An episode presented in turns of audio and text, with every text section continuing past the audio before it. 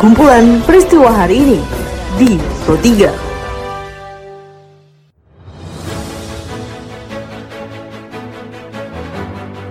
Halo pendengar, saat ini Anda sedang mendengarkan kumpulan peristiwa Pro 3. Pada podcast kali ini saya akan mengulas terkait isu-isu aktual yang saat ini masih hangat atau ramai diperbincangkan di sekitar kita. Tentu saja pendengar, nanti akan saya hadirkan cuplikan informasi dari reporter kami.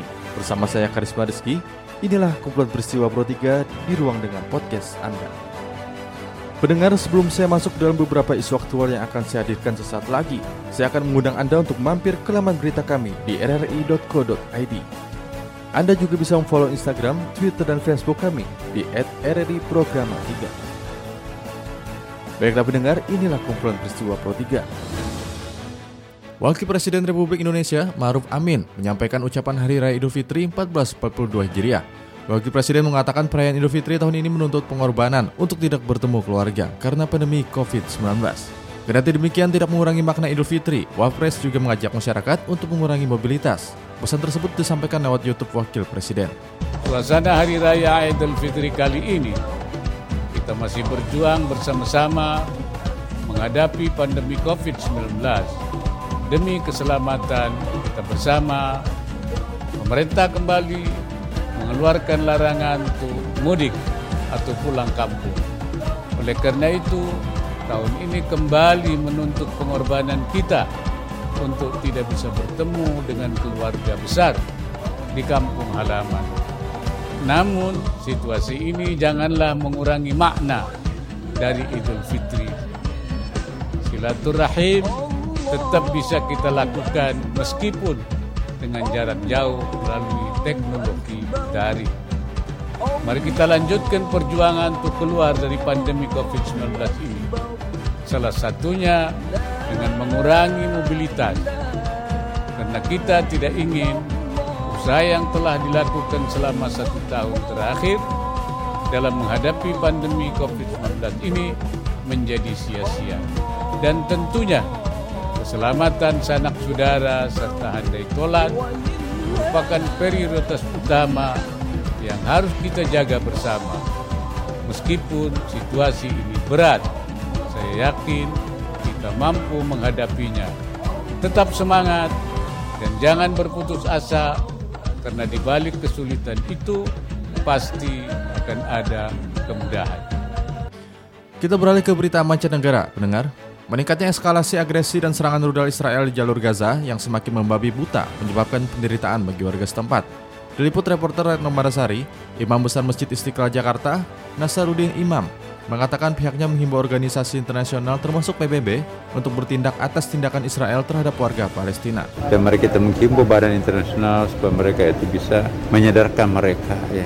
Kita nggak boleh menjadi uh, negara yang anarkis seperti itu itu. Tenggang rasalah kepada orang yang sedang mencapai puncak cinta kepada Tuhan. Juru bicara Satgas Penanganan COVID-19, Profesor Wiku Adhisa Smito, mengungkapkan ada kenaikan angka positif COVID-19 di Sumatera sebesar 27,2 persen pada bulan Mei, sementara angka kasus COVID-19 di Pulau Jawa justru menurun. Berdasarkan data, pada umumnya Pulau Jawa memberikan kontribusi kasus COVID-19 nasional sekitar 60 sampai dengan 70 persen. Namun, persen kontribusi tersebut mulai terlihat mengalami penurunan sejak Mei 2021 yaitu sebanyak 11,06 persen dibandingkan Januari 2021.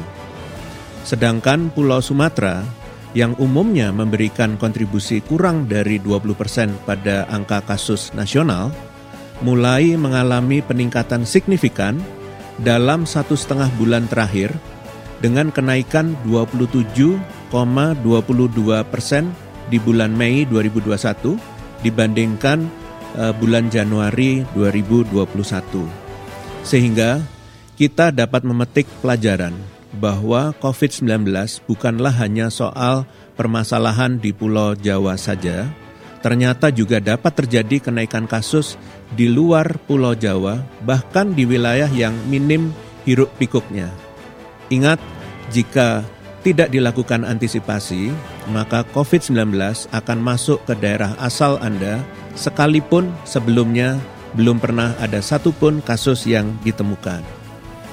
dari data yang ditemukan bahwa 33 provinsi di Indonesia memiliki kabupaten kota yang berada di zona oranye dan 7 provinsi berada di zona merah. Baiklah pendengar, informasi tadi mengakhiri perjuangan kita pada podcast edisi hari ini. Anda juga bisa mendengarkan podcast edisi hari lainnya di Spotify dengan hanya mengetik Pro 3 RRI di kolom pencarian Anda.